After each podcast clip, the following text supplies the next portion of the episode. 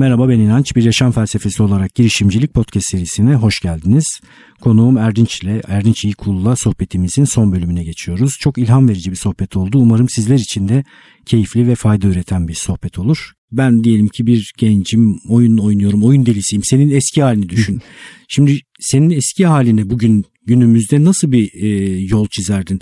Yani hemen girişimci olsun gibi bir şey demiyorum. Sadece oyunla gönülden bağı olan biri olarak böyle bir sürü insan var. Yani şunu Hı-hı. hissediyor içten içe. Ben oyunun içinde yer almalıyım, bu tutkunun peşinden gitmeliyim ve bu ekosistemde ekonomik değer üretmeliyim diyecek bir sürü genç var. Sen olsan nasıl bir şey çizerdin kendine? Kapasite geliştirmek üzere bir gelişim yolculuğu. Ben e, geçen işte gittiğim okulda da aynı şeyi söyledim. Ya oyun oynamayın, oyunun bir parçası olun. Kendime baktığım zaman hep şunu söylüyorum. E, ben hani oyunu çok seven ama hayatını da oyunlar üzerine kuran biri olmadım. E, şu bir gerçek. Yani çok klasik ama her şeyin fazlası zarar. Ve oyunların bağımlılık tarafı gerçekten çok kuvvetli. Zaten o yüzden daha fazla zaman harcıyorsunuz. Oyunu hayatına oturtan biri için doğru şekilde sosyal hayatıyla beraber şöyle avantajlar var. Mesela üniversite dönemindesiniz. Mesela ben oyunla ilgili bir kulübün sorumluluğunu almak isterdim. Çok güzel bir e, üniversite elçisi olmak, e-spor tarafında turnuvalar düzenlemek, o markayla bu iletişimi sağlamak, yapılan etkinliklerde konuşmacı olarak ağırlayacak, çağıracak kişi olmak, hatta bu konuda profesyonelleri içeri çağırıp onları dinlemek. Çünkü şu an böyle bir fırsat var. Benim zamanımda bu yoktu. Oyun bizim için zaten yasaklı kelimeydi yani. Ki normalde hep şeyde söylüyorum. Dünyanın en eski oyunu aslında satranç. Yani oyun kelimesi aslında futbolda bir oyun. Tabii. Sadece dijital oyunlara karşı inanılmaz bir reaksiyon var. Çünkü bambaşka bir şey olarak görüyordu insanlar. O yüzden buradan başlayabilirler. Keza bir sürü etkinlik yapılıyor şu an Türkiye'de. Hatta bırakın firmaları belediyeler etkinlik yapıyor. E-spor şenlikleri, oyun şenlikleri vesaire.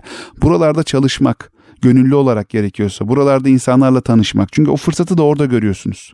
Onun dışında bir özel sektörleri söyledim mesela yerelleştirme sektörü bir fırsattır. Hatta oyuncu destek birimleri var bu oyunların arkasında yatan. Türkçe olan bir oyunun Türkçe desteği de olmak zorunda. Bu alanlar bile büyük fırsattır. Buralara başvuru yapmak, girmek, çıkmak, bunlarla beraber yaşamak ve en önemlisi de oyun oynarken sadece oynamak değil. Oynarken bir şeyler de öğrenmek, yapacağımız işlere düşünmek, tasarlamak. Ben hep bu gözle bakıyorum. Mesela e, teknolojiyi çok seviyorum. Takip etmeyi özellikle. Her sabah girdiğim e, belli e, hesaplar var. Twitter'dan takip ettiğim belli hesaplar var. Beslenmek çok önemli. Beslendiğiniz zaman yeni fikirlere de yolculuk yapabiliyorsunuz. Tabii ben de Twitter'da bazı bağımsız oyun yapımcılarını takip ediyorum. Onların geliştir yani biri birkaç şeyi takip etmeye başlayınca zaten o ekosistemdeki başka insanlara da ulaşıyorsun. Onlar neleri hayal ediyorlar, neler yapıyorlar, nelerle uğraşıyorlar. Bunları mümkün olduğunca anlamaya çalışıyorum. Bir de ben e, şeyi de görüyorum yani kendi tarafımdan bir not olarak e, koymak gerekirse ben bir şeye çok inanmışım e, çocukluğumdan beri ve inandığım şey de beni yanıltmamış. Yanıltabilirdi, yanlış da gidebilirdi her şey. Daha iyisini de yapabilirdim bu arada her zaman zaten e, mümkün. Ama ben şuna inanıyorum bir şeye inanmak için bir kere cesur olmak lazım. Hani oyun sektöründe daha doğrusu teknoloji yatırımlarında girişimciliğinde en güzel şeylerden biri e, cesaret edip denemek. Çünkü e, aldığınız risk tabii ki de önemli. Yani zaman zaman kaybetmek zaten birçok şeye zaman kaybediyoruz. Zaman kaybetmekten korkmayın. Para kaybetmek tabii ki zor bir karar. Ama e, o yatırımı yapmak için yapacağınız şey gerçekten bir bilgisayar. Tabii. En temelde. Tabii. Bu kadar internet, elektrik, bilgisayar. Buraya gelirken Gary Vaynerchuk'u arada takip ediyorum ben. Dinleyenler biliyorlar. Baktığım tiplerden birisi. Bir tane böyle küçük video koymuş. Bir tane de konuğu vardı. Adını hatırlamıyorum şu anda konuğun. Şöyle bir şey söyledi. Çok güzel. Çok hoşuma gitti. Dışarıdan bakıldığında girişimci risk alır gibi gözükür. Size öyle gözükür. Ama girişimci asla risk almaz. Aslında girişimcinin yaptığı o riskleri bertaraf ederek doğru kararları almaktır. Yani girişimcilik bakıldığında uzaktan maceracı, e, varını yoğunu bir şeye e, yükleyen insan gibi gözüküyor ama çok yanlış. Podcast'te de onu hep anlatmaya çalışıyorum. Bu dünyanın en akıllı hareket eden insan kategorisi girişimci aslında. Ve riskleri bertaraf edip öğrenmeye devam edecek şekilde riskler alması gerekir. Yani çok büyük yatırımlarla çok büyük işler yapmaya kalkışmadan dediğin gibi bilgisayar ve senle başlayıp oradan kapasite geliştirmeye başlayabilirsin. En büyük yatırımımız zaman girişimcilikte. O zamanı yani o commitment'ı verebiliyorsan, evet. özveriyi verebiliyorsan gerisi zaten içeride oluşmaya başlıyor. Zaten hani şey derler ya böyle bir tane orada herkes bir e, parlayan birini arıyor. Parlayan bir fikri arıyor ve peşinden koşacak da bir sürü insan var. Yeter ki o fikri yaratmak için zaman ayırın. İyi, iyi planlama çok güzel bir örnekti gerçekten. İnan süper oturdu. Hani ben hep şey derim. Başarılı bir işin %30'u iyi planlama, %70'i de onu doğru uygulamayla ortaya çıkar. Ama planlamayı yanlış yaparsan uyguladığın şey zaten yanlış olur. O yüzden en temelinde o planı doğru kurgulamak çok önemli. Yani niye hedefliyorsun, nereye gideceksin, nasıl yapacaksın? Bu soruların cevabı yoksa, elinde herhangi bir veri yoksa bu arada gut feelingle de birçok şey yapılıyor ve ben bunu çok yaşamış biri olarak da inanılmaz destekliyorum ama esas olan şey gerçekten onu datayla birleştirebilmek Yürütme, bence de. Yürütme, operasyon, öğrenme, Aynen. sürekli hareket etme. Bir şey daha söyleyelim. Yine çok rastladığım şey girişimci adaylarında daha böyle fikir aşamasında e, sana soruyor mesela ne yapayım, nasıl geliştireyim. Fikir o kadar da değerli ve önemli bir şey değil. Bunu defalarca tekrar tekrar hep söyleyip duruyorum. Ne yapıyorsan yap bir şekilde onu yapmaya başla ve o işin içerisine gir. Eylemin içerisinde karşına çıkan sıkı ve hakiki problemleri insanlara sor. O zaman insanlar yardımcı olma konusunda daha istekli ve hevesli oluyorlar. Yani etraflarındaki oyun geliştiricilerine, yapımcılara fikir aşamasında bir şeyi götürmek yerine bir şeyi başlatıp yürütmeye başlayıp yürütürken karşılarına çıkan problemleri nasıl çözeceklerini götürürlerse çok daha büyük destek alırlar. Kesinlikle bir de e, bizim işte Riot'un içinde çok fazla eğitim aldık biz yıllar içerisinde. Bir de bir production şirketi olduğu için development mantığı da var. Hı. Hani hem development hem publishing bir arada. Şöyle bir e, örnek vardı production aşaması ile ilgili. Ben onu hani hayatımda bir yere oturttum. Bazen diyorum ya insan içgüdüsel olarak bunu yapıyor ama mantığı oturttuğun zaman çok daha benimseyip davranmaya başlıyorsunuz. Şu örneği vermişlerdi. Araba yapmak istiyorsanız ilk araba yapacağım diye yola çıkmayın. Kaykay yapın. Bisiklet yapın. Evet. Sonra başka dört tekerli bir şey yapın. Arabaya doğru adım adım gidin. Çünkü araba yapmak için gerçekten çok büyük bir tecrübeye, birikime, bilgiye ve dayanma gücüne ihtiyacınız var. Bir girişimci için kaykay yapmak araba yapmaktan daha kolay. Evet. Hem öğrenme açısından hem maddiyat açısından. Evet. O yüzden hani bir şey giderken illa bu olacak en büyüğüne gitmek değil basit düşünmek ve o basiti doğru basitlikte uygulamak çok önemli. Kendi ayağa kaldırabileceğin en küçük versiyonu MVP deniyor buna zaten. Aynen. Viable Product o versiyonunu yapmaya başla. Fikir aşamasını falan kimseye açmana gerek yok. Yatırımlar, destekler araştırmana falan da gerek yok. Ben ona da çok inanmıyorum. Hı hı. Yani yatırım, destek vesaire onlar ikinci, üçüncü, dördüncü girişimlerde büyütmek üzere yapılabilecek şeyler. Ama başta bir ekiple birlikte neyi ayağa kaldırabiliyorsan onu ayağa kaldırmaya başla çalış. Ondan sonra zaten öğreniyorsun, gelişiyorsun ve kas geliştiriyorsun. Aynen kesinlikle yolda o ürünü zaten şekillendi. Belki de araba yapmaman lazım. Tabii. Kaykay yaparken belki de tamamen uçağa doğru evrileceksin. Yani o gidişat çok önemli zaten. Bence herkesin şeyinde olan yani girişim çok konuşuluyor. Çok da bahsediyoruz. Birçok da hani iyi örnek diyoruz ama bir sürü de hani kötü örnek olmuş kötü örnek bile olamamış girişim var etrafımızda. Ee, ben mesela e, ilk girişim yaparken şeye de bir ara çok kafa patlatıyordum. Ya isim çok önemli, isim çok önemli. Sonra şeyi fark et ismin hiçbir önemi yok. Hiçbir önemi yok. Senin bunu markalaştır araştırman çok önemli. İstersen Abuzer koy ismini. Tabii tabii. Hiç fark etmez. Ee, önemli olan senin o ismi nasıl hikayeleştirdiğin, neyin altına oluşturduğun. O yüzden hani yola çıkarken her şey dört dörtlük olmayacak. Risk almaktan korkmayacaksın ve bu riski alırken de temeli olacak ama. Hani ben bunu atladım değil bir yandan da o şey oluyor ama. O free fall var ya hani uçurumdan atlama. O hissi de yaşamak zorundasın ki bu girişimcinin zaten tabii. motivasyon kaynağı. Tabii ama atladın e, taş gibi düşüyorsan sıkıntı var ya demektir. Büyük, yani ipi bağlamamışsın tabii, demektir tabii, o. Yani yaralı bereli kalkıp hala öğrendiklerinle yeni bir şeye kalkışabiliyorsan tamam. Aynen. Yani bir girişime kalkışıp kalkışmamakla ilgili sorulacak bence tek soru var. Öğretir mi bana bu iş? Bir şey öğrenecek miyim bundan? Öğretir. Ee, bunu denediğim için başka bir şey deneyemeyecek hale gelmeyecek miyim? Denemeye devam edebilecek miyim? Evet. Bunları evet evet diyorsan yap. Aynen. Aynen. Ondan sonra zaten ne oluyor? Bir süre sonra fikri niye ben e, aşağılar gibi bir pozisyondayım? Çünkü fikir çok yukarılarda ve tepelerde. Bir de dünya var. Dünyaya indirmen gerekiyor onu ve insanlarla böyle etkileşime sokman gerekiyor. Pazarla etkileşime sokman gerekiyor ve bütün bu etkileşimler başka hiçbir şeyin öğretemeyeceği şeyler öğretiyor sana. Onu fikir seviyesinde öğrenmen mümkün değil. Hemen fikir fetişinden kurtulup dediğim gibi ne yapabiliyorsan birkaç insan birlikte onu yapmaya ve öğrenmeye başla. Özellikle öncü alanlarda da bunu yapabilirsin. Mesela derin öğrenme, makine öğrenmesi alanlarında da işler yapabilirsin. Tabii. Teknolojik işler yapabilirsin. Tabii. Ve kendini geliştirmeye devam edebilirsin. Ben mesela kendimle ilgili dönüp baktığımda bundan işte 10 sene önceki Erdinç'e baktığımda hatta 10 15 sene önceki e, deneyime çok fazla önem vermeyen bir Erdinç görüyorum. Şimdi ise deneyim benim için dünyanın en değerli şeyi. Yani o kadar farklı deneyimler, tecrübeler elde ediyoruz ki o tecrübeler verdiğimiz her kararı çok daha kuvvetli hale getiriyor. Bazısı içgüdüsel, özellikle tecrübemiz olmayan işlerde yaptığımız şeyler ama bazısı o deneyimden gelen kararlar ve en doğru, en sağlıklı şeyler onlar oluyor. O yüzden aceleci olmamak lazım. Her yapı, yapacağımız hamle bir deneyim katacak bize. Bir de şey de eklemek lazım. Özellikle girişimci arkadaşlar hani kapanıp bir şeyler yapalım moduna geçiyor ya. Bir şeyi e, parlatmadan ortaya çıkarmanız mümkün değil. Yani o toprağın dibinden geliyor. O toprak nasıl bitki yararak çıkıyorsa o toprağa sizin de network'e ihtiyacınız var.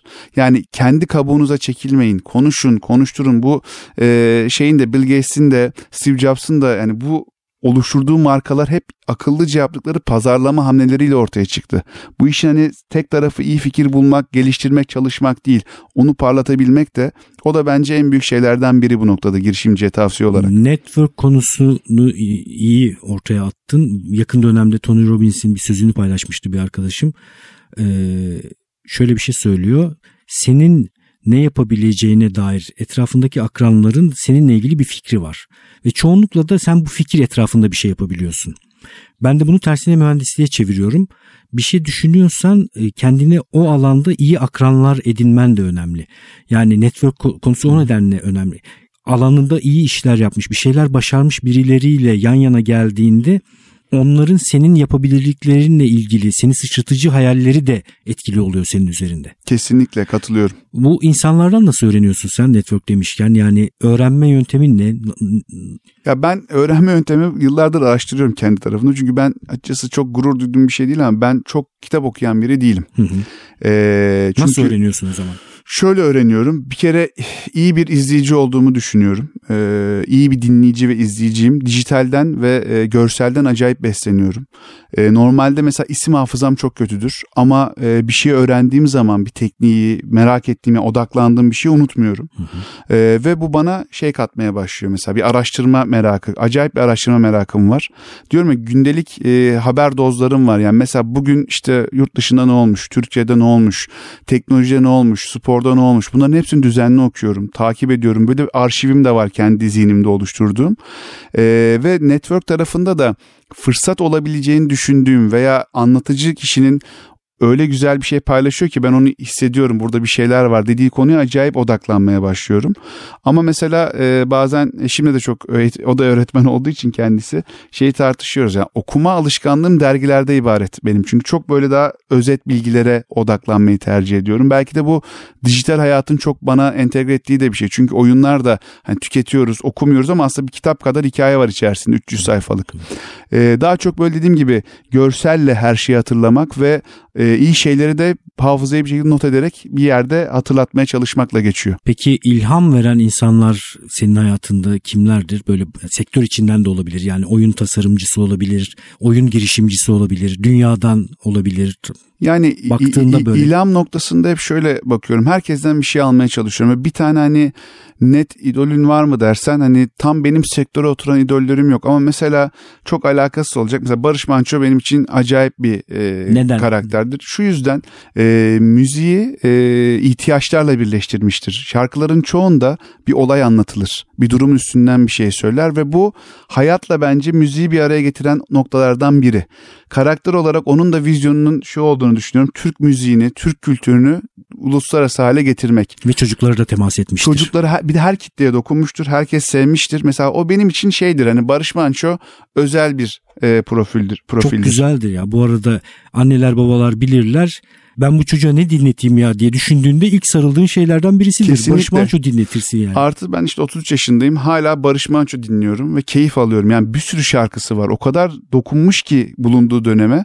Bence dönemin ötesinde sanatçılardan biri baktığınızda. Şeyi de çok severim. Hani ilham almak diyorum ya herkesten bir şey işte Steve Jobs'un hikayesinden bir şey alıyorsunuz. Kendi yöneticinizden bir şey alıyorsunuz. Kendi e, sizinle çalışan ekip arkadaşınızdan da bir şey alıyorsunuz. Hayatımda hani böyle e, en tepeye koyduğum bir isim hiçbir zaman olmadı. Ama ben farklı sektörlerden mesela şu an yani çok şey gelecek ama Cristiano Ronaldo'nun e, ben Ronaldo'cuyum Messi'ci değilim. Çünkü Ronaldo'nun çalışkanlığı bana aş, aşırı ilham veriyor. Yani bir şeyden vazgeçmeme, mücadele etme, sınırlarını zorlama hissi inanılmaz. Messi müthiş bir yetenek ama Ronaldo bunu kendi kasarak bir şeyleri feda ederek yapabiliyor. O bir azim motivasyonu benim için. Hani böyle farklı farklı isimler var hani dünyada ben takip de ettiğim. aynı şekilde yaklaşıyorum bu arada. Yani illa benim alanımda olması gerekmiyor kişilerin. İşte Gary Vaynerchuk toplamda baktığında e, burun kıvırabilirsin. Çünkü hep aynı şeyleri söylüyor diyebilirsin ama ben onda ilham aldığım bir şey var onu takip ediyorum. Hırslı olması, coşkulu olması, hep aynı şeyleri tekrar tekrar anlatıyor olması. Çok söylediği şeylerden birisi de kimin ne düşündüğüne bakma doğru bildiğini yap. Yani insanlar çünkü bazen de o ne der bu ne der diye düşündükleri için de bir şey yapamaz hale geliyorlar. Ee, buraya gelirken bir böyle e, bir genç çocuk grubu adres sordu bana bu arada. Ee, şu şuraya nasıl gidebiliriz diye. Benim yolumun üzerindeydi. Birlikte gidelim dedik. Hep birlikte yürüyoruz eşofman giymişler. Ne, ne yapıyorsunuz dedim yani eşofmanlısınız. E, atletizm yapıyoruz dediler. Böyle beş tane genç Edirne'den gelmişler. Sohbet ettik dedim atletizm yapıyorsunuz. Peki vizyonunuz ne? Ne yapmak istiyorsunuz? Bir de şunu düşünüyor musunuz dedim. Yani ben şöyle hayal ediyorum. Hangi alanda yaparsan ne yaparsan yap böyle aşırı e, eylem üretmen lazım ki başarılı ol. Yani atletizmle uğraşıyorsan bu böyle çok kolay olacak bir şey değil dediğimde onlar da haftanın 5 günü bayağı yoğun çalıştıklarını anlattılar. Benim sorduğum sorulara çok güzel cevaplar verdiler. Yani gençlerin girdikleri alanı sadece o faaliyetten ibaret görme, görmemeleri gerekiyor. Hmm. Mesela atletizm dediğimiz şey ya da yüzme dediğimiz şey sadece kulaç atmak ya da koşmak ya da zıplamak, yüksek atlamak değil orada insanın kendisiyle mücadelesi ve psikolojisini tanıması da limitlerini var. zorlamak en evet, basit. Evet, evet. Müthiş müthiş bir taraf. Bir de ben e, şunu da söyleyeyim mesela en büyük ilham kaynaklarımdan biri kendi iç motivasyonum. Bunu hep kendime de söylüyorum. O da şu bir şeyleri yapabilme heyecanı ve hani bir şeyleri yapacağım. Bu hani bazen diyor evrenle konuşmak vesaire mesaj gönder. Ben hep e, hayal ettiğim şeylerin peşinden koştum ama bunu yaparken de hani yürekten yapacağım dedim ve bence en büyük hani ilham kaynaklarımdan biri de bunu şu ana kadar kaybetmemiş olmam. Şimdi de hayal kuruyorsam bunun en büyük nedeni bir şeyler yapma enerjisini burada hissediyor olmam. Zaten bunu bence bir şeyleri girişim haline getirmek veya işinde olduğu yerde durmak istemeyen insanların hissettiğini ben düşünüyorum. Çok güzel. Yani 10 kat, 20 kat, 30 kat eylem üreteceksin ve bunda tutkuyla ancak yapabilirsin. Aynen. İnanmadığın bir alanda yapman mümkün değil. Aşırı beklentileri aşan bir şekilde hareket edeceksin ki görünür ol ve bunun kıymeti görülüyor. Ben bunu hep görüyorum. Yani yerinde durmayan, deli gibi çalışan ve üreten insanlar ama akıllıca üreten ve çalışan insanların kıymeti bir şekilde biliniyor diye düşünüyorum. Ve şeyi de ekleyeyim hep şu söylenir ya benim işte çevrem yoktu işte bana bu şans gülmedi. Ben hep şey derim bir kere şansı insan kendisi yaratır. Yerde bir para bulmak için öncelikle bir yürümek lazım. Tabii. Yerdeki parayı görüp sonra eğilip almak lazım.